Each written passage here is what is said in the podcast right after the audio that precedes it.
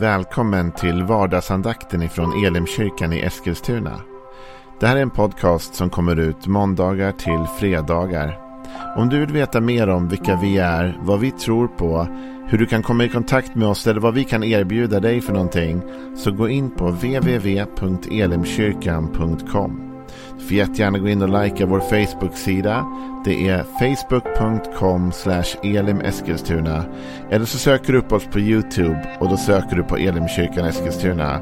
Vi vill jättegärna komma i kontakt med dig. Men nu lyssnar vi till dagens andakt. Välkommen till vardagsandakten. Det är tisdag idag och vi fortsätter med lite tankar ifrån Jesajas bok. Eh, och eh, vi talade igår om att Gud har lovat att aldrig mer vredgas. På den som har tagit emot Jesus och gått in i det här nya förbundet med honom så har Guds vrede, ilska, den har stillnat i det att Gud tömde sin vredesbägare över Jesus istället. Jesus tog det till mitt straff. Och vi fortsätter lite på det spåret idag. För det här var inte det enda Jesaja sa. Eh, och nu ska jag ge dig ett par uppmuntrande ord, tycker jag själv. Och det är så här ifrån vers 10 i Jesaja 54. Även om bergen viker bort och höjderna vacklar så ska inte min nåd vika från dig eller mitt fridsförbund vackla, säger Herren din förbarmare. Det finns ett par saker som lovas här att det inte ska vika undan ifrån oss, inte försvinna. Även om bergen viker bort och höjderna vacklar. Om detta kan man säga mycket. Uh, berg som viker bort och höjder som vacklar. Det kan representera såklart det det står. Berg och höjder. Alltså naturförändringar. Även om jorden förändras. Och det ser vi att den gör. Vi lever ju i en tid då miljöutmaningen är en av de största någonsin. Vi måste verkligen förändra vårt sätt att leva och vara. Eh, och då talas det om här att även om naturen och bergen vacklar så behöver vi inte vara oroliga för nåden och fridsförbundet vacklar inte. Men det kan också innebära berg och höjder kan också symbolisera eh, stabilitet i ditt och mitt liv.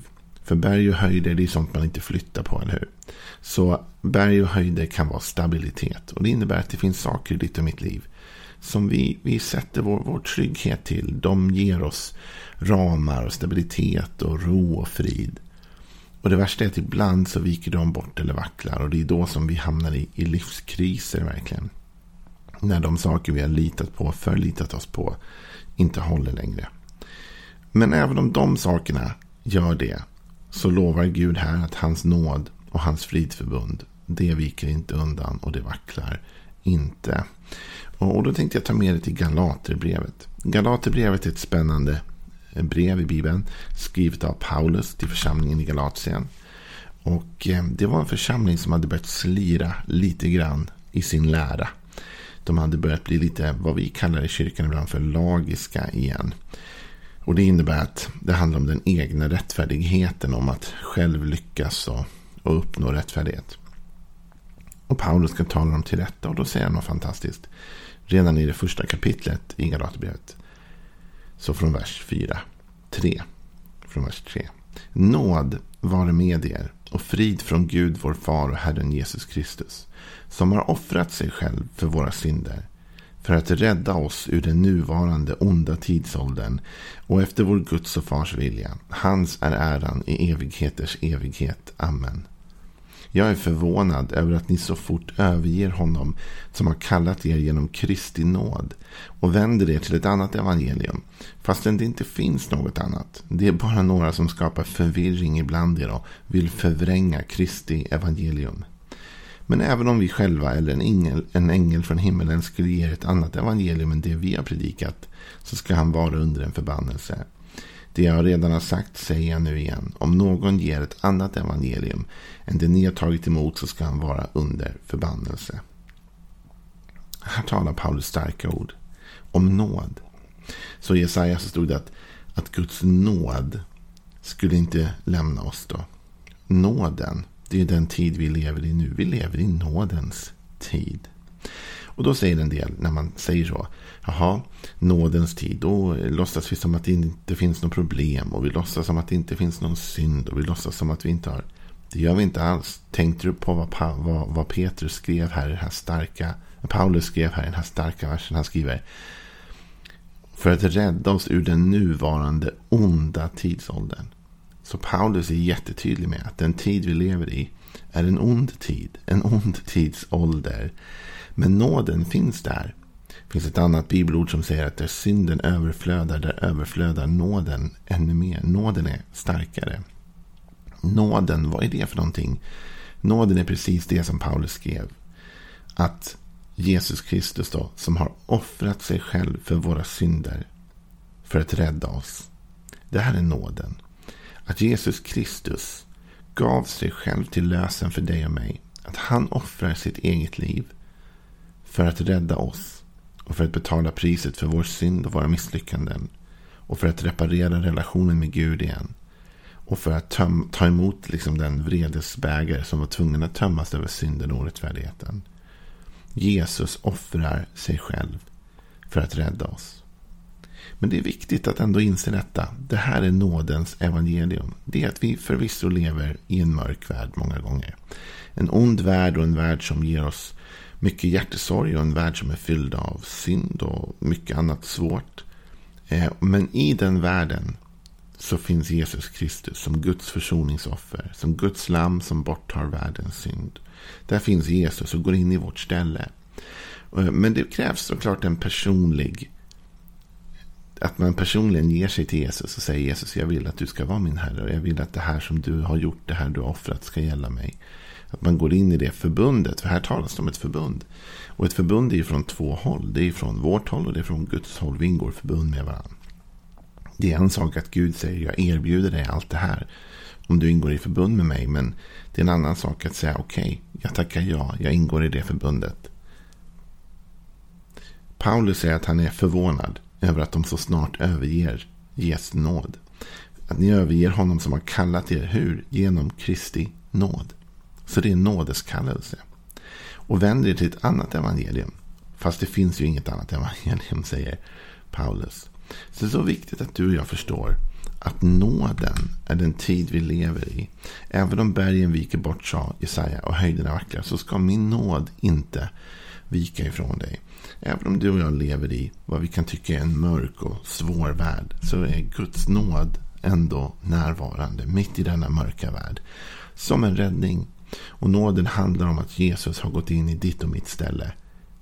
Ty så älskade Gud världen, säger Johannes att han utgav sin enda son.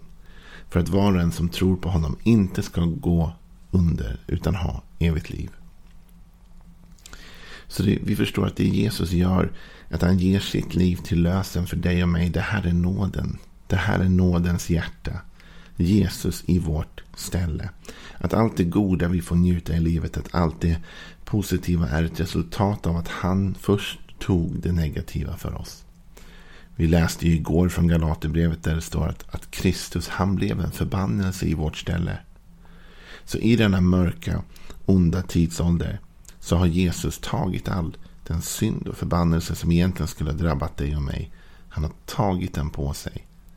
Och han har inte gjort det bara för att han har gjort det för att kunna friköpa dig och mig. För att kunna lösa oss ifrån detta. Han har dragit ett streck, står det i Bibeln, över det skuldebrev som belastade oss. Så vi är fria. Så vi kan i Jesus Kristus känna den här friheten och nåden. Och vi kan lita på den nåden även om allting runt omkring oss skulle börja vackla. Även om ingenting annat tycks att gå att lita på. Så går det att lita på att Jesus Kristus har dött i mitt ställe och offrat sig för mig. Och så kan man tänka en tisdag som denna. Man vaknar och jag vet inte hur du kände när du vaknade i morse. Och det kan ju vara väldigt olika. Men ibland när man vaknar så känner man sig inte på topp. Liksom. Ibland när man vaknar så kan man känna sig väldigt trött. Och man kan känna sig väldigt nedslagen. Och man kan känna sig väldigt eh, tyngd. Av att man lever i den här världen. Och man kan känna att allt det som är stabilt runt omkring en det vacklar. Och det håller inte. Äktenskapet håller inte. Arbetet håller inte. Ekonomin håller inte. Olika saker man har förlitat sig på tycks inte hålla. Men en sak håller varje morgon. Och det är värt att påminna sig om. Att även denna dag så täcker Jesu Kristi blod min synd och min skuld. Även denna dag så är det offer som Jesus gjorde tillräckligt starkt för att ändå bära mig igenom till en evighet och till en god relation, en upprättad relation med Gud. Det här vacklar aldrig. Det här förändras aldrig. Nåden är varje dag för oss. Men han säger någonting mer än bara nåden, Jesaja. Faktiskt, han talar om fridsförbundet. Eh, så ska min nåd inte vika ifrån dig eller mitt fridsförbund vackla, säger Herren din förbarmare. Fridsförbundet, förbund. Vi är, kan man säga, i ett avtal med Gud. Där han har tagit vår synd, tagit vår skam och gett oss sin rättfärdighet och en upprättad relation med Gud. Det här förbundet finns ju utskrivet i hans ord, så att säga, i Bibeln. Och Det är därför som Guds ord är så viktigt. Och Vi förkunnar gärna Guds ord och vi förkunnar mycket Guds ord. Om du kommer till våra gudstjänster i Elimkyrkan så kommer du märka att det är mycket bibelord och det är mycket fokus på vad bibelordet säger. Och då kan man fundera på varför är det det? Varför är det så viktigt vad Bibeln säger? Varför är det så viktigt vad som står i den där boken? Därför att det här är vår förbundsbok kan man säga. Det här är den bok som berättar för oss vad förbundet med Gud innehåller. Och den här boken har Gud lovat ska aldrig vackla. Den ska aldrig brista. Utan det här är en bok som håller. Det är ett fridsförbund som inte vacklar om än våra omständigheter gör det. Petrus han uttrycker det ju i sitt brev, i första Petrusbrevet. Så uttrycker han det själv och så säger han det också genom att citera Gamla Testamentet. Och han säger så här i första Petrus 1 och 22. Ni har renat era själar genom att lyda sanningen i, ett upprikt, i uppriktig syskonkärlek. Älska då varandra uthålligt av rent hjärta. Ni är ju födda på nytt. Inte av en förgänglig säd utan av en oförgänglig, Guds levande ord som består. Allt kött är som gräs och all dess härlighet som blomman i gräset. Gräset vissnar och blomman faller av. Men Herrens ord består för evigt. Detta är det ord som har förkunnats för er, säger Petrus. Men Herrens ord består för evigt. Och han talar om att Guds levande ord som, som består. Så vi vet att Guds ord är att lita på. Och det är så viktigt. Jesaja 54. Det är ju ett förändringens kapitel. Det är ju ett kapitel som handlar om att allting ska bli annorlunda. Det börjar ju med den här ofruktsamma kvinnan. Som egentligen då är Israels folk. Som inte kan föda barn. Som inte kan producera liv. Eh, men, säger Gud, hon ska gå in i förändring. Nu ska du börja tro för att det här kommer bli annorlunda. Du ska dra ut dina tältpinnar, dina tältpluggar ska du slå ner stadigt. och Du ska göra mer plats. Och, så det handlar om förändring. Och i förändring så behövs fasta punkter. Man kan inte förändra 100% på en gång. det blir väldigt svårt ofta. Utan det behövs någon typ av stabilitet eller fasthet i förändringen. Där man har någonting som man kan lita på när allting skiftar. Och vad är det då som vi kan lita på? Jo, Jesaja säger här att även om bergen och höjderna viker bort och vacklar. Så vacklar och viker inte nåden eller fridsförbundet bort ifrån oss. Utan vi kan lita på Guds nåd. Vi kan lita på att även denna dag har Jesus Kristus dött för mig. Hans blod räcker även idag. Det täcker min synd även idag. Och det räddar mig ur denna onda tidsålder. För vi lever i en ond och syndig tidsålder. Men Guds nåd överflödar ännu mer och ännu starkare. Och vi kan lita på att Guds ord håller idag. Det Gud har sagt, det står han för i alla tider och i alla stunder. Och vi ska därför läsa Guds ord, ta det till oss och låta det verkligen bli grunden för vårt liv. För ju mer Guds ord blir grunden för vårt liv, ju stabilare blir vårt liv. Eftersom Gud har lovat att hans ord aldrig ska vackla, aldrig ska förgås så vet vi att om vi har byggt vårt liv på det ordet så står det stadigt. Jesus hade en liknelse för det där. Han talade om en klok man som byggde sitt hus på en, på en berggrund. Han talade om en, om en ovis man som byggde sitt hus på sand. Och stormen kom mot båda hus och det ena föll och det ena stod kvar. Och det var ju det huset som var byggt på stengrund som stod. Och han talade om att det var den som lyssnade till och gjorde vad han sa. Den byggde sitt liv på stengrunden. Den som bygger på förbundet. Den som ser till att ha en stadig grund. Det här var några tankar för din tisdag idag. Lita på detta. Om ditt liv är kaos idag. Om allt är upp och ner idag. Om dina känslor är upp och ner. Eller om dina omständigheter är upp och ner. Eller något annat är upp och ner och allting rör sig. Du kan lita på detta. Jesus har dött för dig. Det gäller än och det gäller idag. Hur mörk världen runt omkring dig än blir. Nåden är starkare och överflödar mer. Och Guds ord är att lita på i alla tider och i alla stunder. Ta emot detta och låt det ge frihet in i ditt liv idag. Så hörs vi mer imorgon igen. Hej då.